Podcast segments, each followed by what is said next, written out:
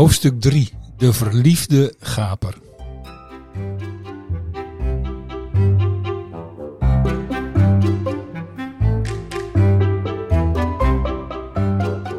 In de derde week van juli 1851 barst traditiegetrouw de kermis los in Haarlem. Net als ieder jaar hangt er weer een zinderende spanning in de lucht.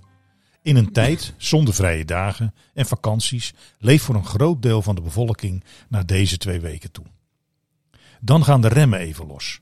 Voor de boerenjongens en meiden uit de dorpen in de omgeving, voor de velen in de stad die hard sappelen om de eindjes aan elkaar te knopen.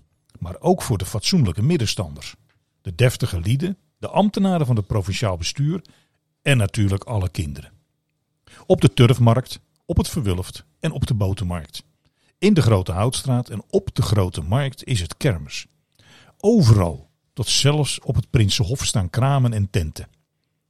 Behalve van zulke opwindende attracties als het Theater Optiek van Ellenburg en de carousel van Van der Lely, de tent met griezelige anatomische rariteiten op sterk water en de vrouw met de baard of de man met de drie benen, kunnen de mensen genieten van een glas grenadine en een dansje maken in een van de Vauxhallen. Voor wie dat niet wil, is er nog de mogelijkheid om iets aparts uit te zoeken bij P. Duvernje, die allerlei nieuwigheden verkoopt. Pendules, tafels, lakwerk, wat niet al. Om nog maar te zwijgen van mademoiselle Vauge de Paris, die in corset doet. De kermis heeft nog iets weg van middeleeuwse jaarmarkt. Een soort rondreizend warenhuis. Wat goed van pas komt in een tijd zonder al te veel winkels en zonder V&D. Bij de traditionele kermis hoort het even traditionele gewekelaag van kerkelijke zijde. De kermis geeft immers alleen maar aanleiding tot schaamteloze ontucht in gebaren, in woorden en in daden, het uitgalmen van onzedelijke liederen, het uitstoten van de vreselijkste vloeken en lasteringen van zere naam, barbaarse vechtpartijen, etc. Einde citaat. Te vergeefs dringen zowel pastoor als dominee er telkens weer op aan de kermis af te schaffen, maar het college van B&W gaat er nooit op in.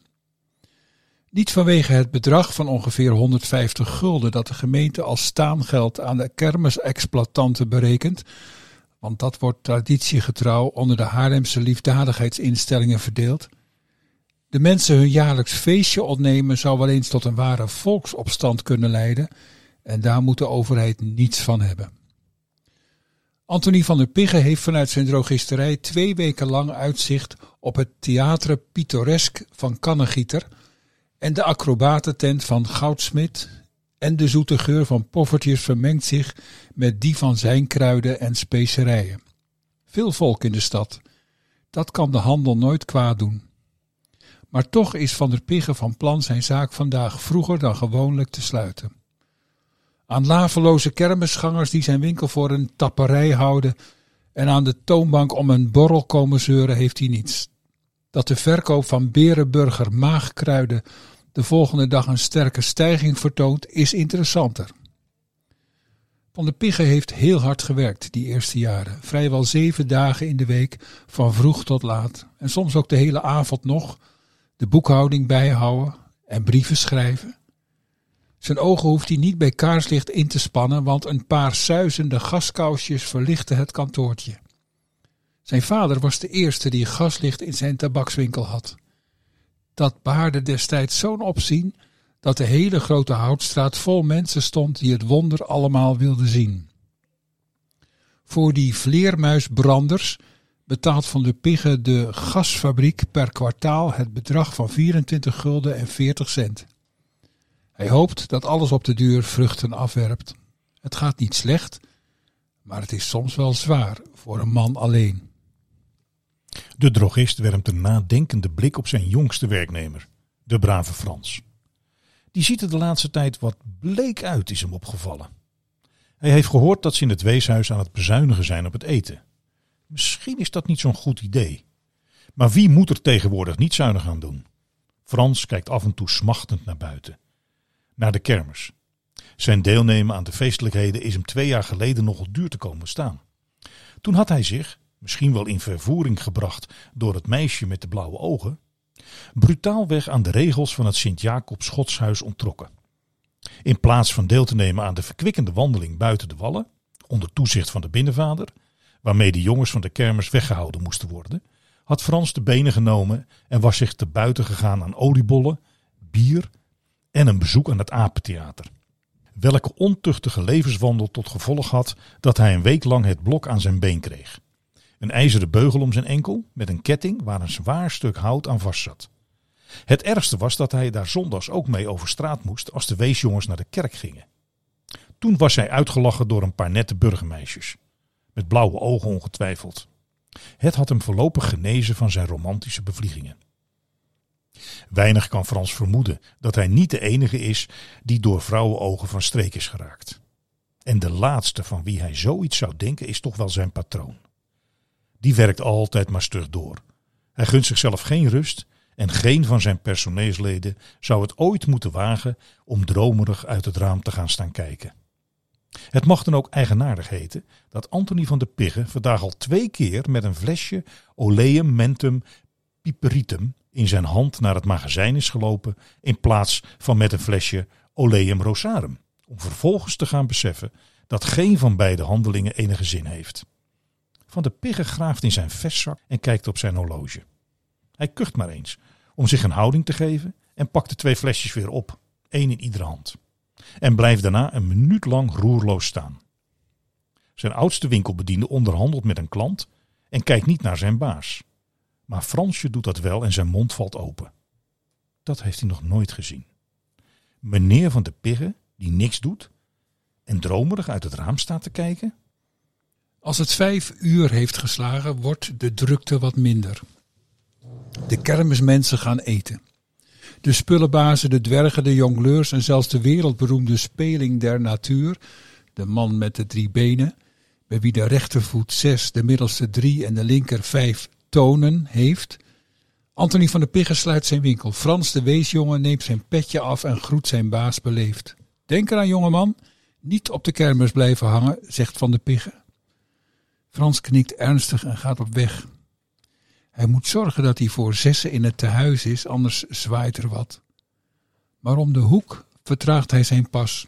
Hij heeft tenslotte een uur eerder vrijgekregen vandaag en in de grote houtstraat is het ook kermis.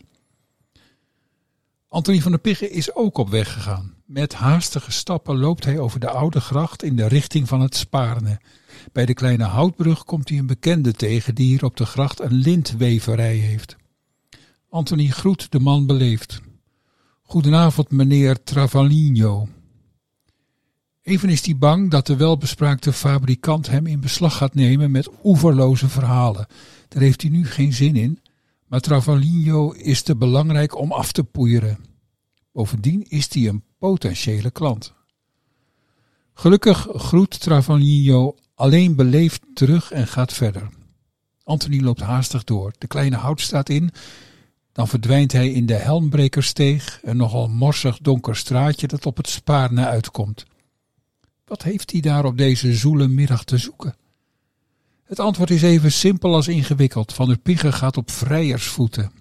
En om zijn aanbedene te ontmoeten, gaat hij op bezoek bij de pastoor van de statie van Sint Franciscus, een van de oude katholieke schuilkerken in Haarlem. De familie van de Piggen is dus katholiek. Dat betekende vroeger, in de tijd van de Republiek, dat ze eigenlijk tweederangs burgers waren, net als de doopsgezinden, de Lutherse en de Joden. Maar veel problemen gaf dat niet. De protestanten waren in Haarlem over het algemeen nogal verdraagzaam jegens de andere kerken. Het was katholieken verboden om een ambt te bekleden of onderwijs te geven, maar ze konden wel lid worden van een gilde en mochten hun godsdienst ongehinderd uitoefenen. Dat we zeggen, zolang dat maar niet in het openbaar gebeurde. Vandaar de zeven schuilkerken of staties, waar de Haarlemse gelovigen meer dan twee eeuwen lang naar de mis gingen. Het waren soms nogal onogelijke zaaltjes in en achter oude huizen weggemoffeld. Na de Franse tijd mochten de katholieken weer in de openbaarheid treden en in Haarlem werden twee echte kerken gebouwd. De Sint-Jozef in de Janstraat en de Sint-Antonius van Padua aan de Nieuwe Groenmarkt. Nog voor Haarlem weer een bisdom was en de kerkelijke hiërarchie hersteld werd, verdwenen de staties. Maar het kostte de gelovigen soms veel moeite om afscheid te nemen van hun krotkerkjes, die generaties lang het middelpunt van geloofs- en gezinsleven waren geweest. De statie van Sint Franciscus in het Damsteegje werd in 1838 opgeheven en ging op in de nieuwe parochie van Sint Antonius. Dat gold ook voor de tweede schuilkerk die aan Sint Franciscus was gewijd en de vier heemskinderen werd genoemd. De laatste pastoor van deze statie heette A.J. Termars. Hij woonde onder het kerkje dat verstopt zat in een huis aan het Spaarne. Dat heette de Vier Heemskinderen en zo kwam de schuilkerk aan die bijnaam. De gelovigen konden via een poortje in de Helmbrekersteeg naar binnen. Het huis dat uit 1609 dateerde is in 1884 gesloopt om plaats te maken voor nieuwbouw, maar de gevelsteen met de vier heemskinderen en het ros bij aard bleef bewaard en zit nog steeds, zij het onmogelijk hoog ingemetseld, in de gevel van het nieuwe pand. Anthony van de Piggen gaat dus op bezoek bij pastor Termars. Maar het gaat hem vanavond niet om kerkelijke beslommeringen. Hij komt eigenlijk niet voor de pastoor, maar voor diens nichtje Henriette. Ze is na de dood van haar ouders bij haar oom in huis gekomen. Anthony heeft haar al lang geleden voor het eerst gezien.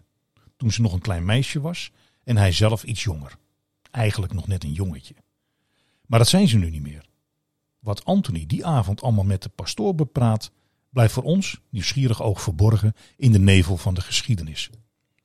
Laten we aannemen dat pastoor Temars zijn gast heeft gevraagd te blijven eten, zodat Henriette de kans krijgt om iets van haar kookkunst te tonen. En na de maaltijd hebben ze een kop koffie gedronken in de kleine pastorie, zittend om de tafel met de patentolielamp. Zo ongeveer zal het gegaan zijn. Het duizelt Anthony van de Piggen als hij in de schemering van de zomeravond weer buiten staat. Hij is zo vol van alles dat hij niet eens rechtstreeks naar huis loopt, maar door de korte veerstraat in de aangang verdwaalt. Het geluid van de kermis in de grote houtstraat deint hem al tegemoet. Van de Piggen beseft niet zo, maar misschien is dit na lange tijd de eerste avond dat hij niet werkt en niet alleen maar aan de winkel denkt. Flarde muziek zweven door de straat. Het kreupel orkestje van een danstent ploetert hortend en stotend door een oude wetse kruispolka heen. In de Warmoestraat klinkt er nog minder welluidend liedje. Er komen een paar dronken kerels aan. Luid, lallend en zingend, op elkaar steunend trachten ze zich verder voort te slepen. Op de voet gevolgd door een politieagent. Een woud, zoals de Haarlemse straatschoffies zeggen. Hij heeft de dronken mannen vaderlijk gemaand dat het bedtijd is. Van de Piggen moet een paar stappen opzij doen voor de zwalkende optocht. Hij besluit maar door de Frankenstraat te gaan en de kermis te vermijden.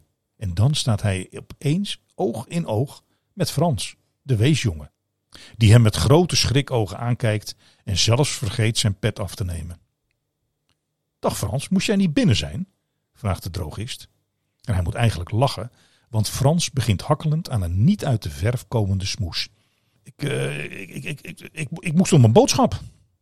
In werkelijkheid is het een beetje uit de hand gelopen die avond. Hij was echt niet van plan om op de kermis te blijven hangen, maar hij heeft zich laten meeslepen door al dat klatergoud om hem heen, door de muziek die hij anders nooit hoort, door de feestelijke schittering van de lichtjes die weer kaatsen in de vallende schemering. In de spiegels en tierlantijnen van geslepen glas en in de grote bruine ogen van het meisje in de gebakkraam. Het huilen staat hem nader dan het lachen. Hij kent zijn patroon. Die zal natuurlijk met de binnenvader van Sint-Jacob Schotshuis gaan praten. En deze keer komt hij er dan niet meer van af met een blok aan het been. Anthony van der Piggen kijkt de jongen streng aan. Zelf is hij nog helemaal met zijn gedachten bij Henriette. Ze is ook een wees. En misschien heeft het daar wel mee te maken dat hij een paar munten uit zijn zak haalt en iets doet wat zeer tegen zijn gewoonte indruist. Hij stopt het geld in de hand van de verbijsterde Frans. Jongen, ga jij maar eens lekker een paar oliebollen eten. Je bent veel te mager. En zeg maar tegen meneer de binnenvader dat. Je zou toch nog iets voor me wegbrengen, nietwaar? Anthony van de Piggen verdwijnt in de Frankenstraat. Zijn bediende in opperste staat van verbijstering achterlatend. Het zal na die zomeravond nog een hele tijd duren voor de buitenwereld iets merkt van de band tussen Anthony en Harriet. Fatsoenlijke lieden gaan niet over één nacht ijs. Er is in het Haarlem van 1851 geen sprake van meteen maar trouwen. Eerst moest er van alles geregeld worden. Ongetwijfeld is er wel een tante of een nicht die de Amsterdamse wees Jetje Termars helpt met voorbereidingen en met haar uitzet. Met tamelijk prozaïsche dingen, want natuurlijk heeft dan niet het waas van suikerzoete romantiek dat latere tijden eromheen gesponnen hebben. Anthony is pas op 14 september 1853 met haar getrouwd. Ongetwijfeld in de Sint-Antoniuskerk aan de Nieuwe Groenmarkt, want het oude huiskerkje, de statie de Vier Heemskinderen, is in december 1851 opgeheven.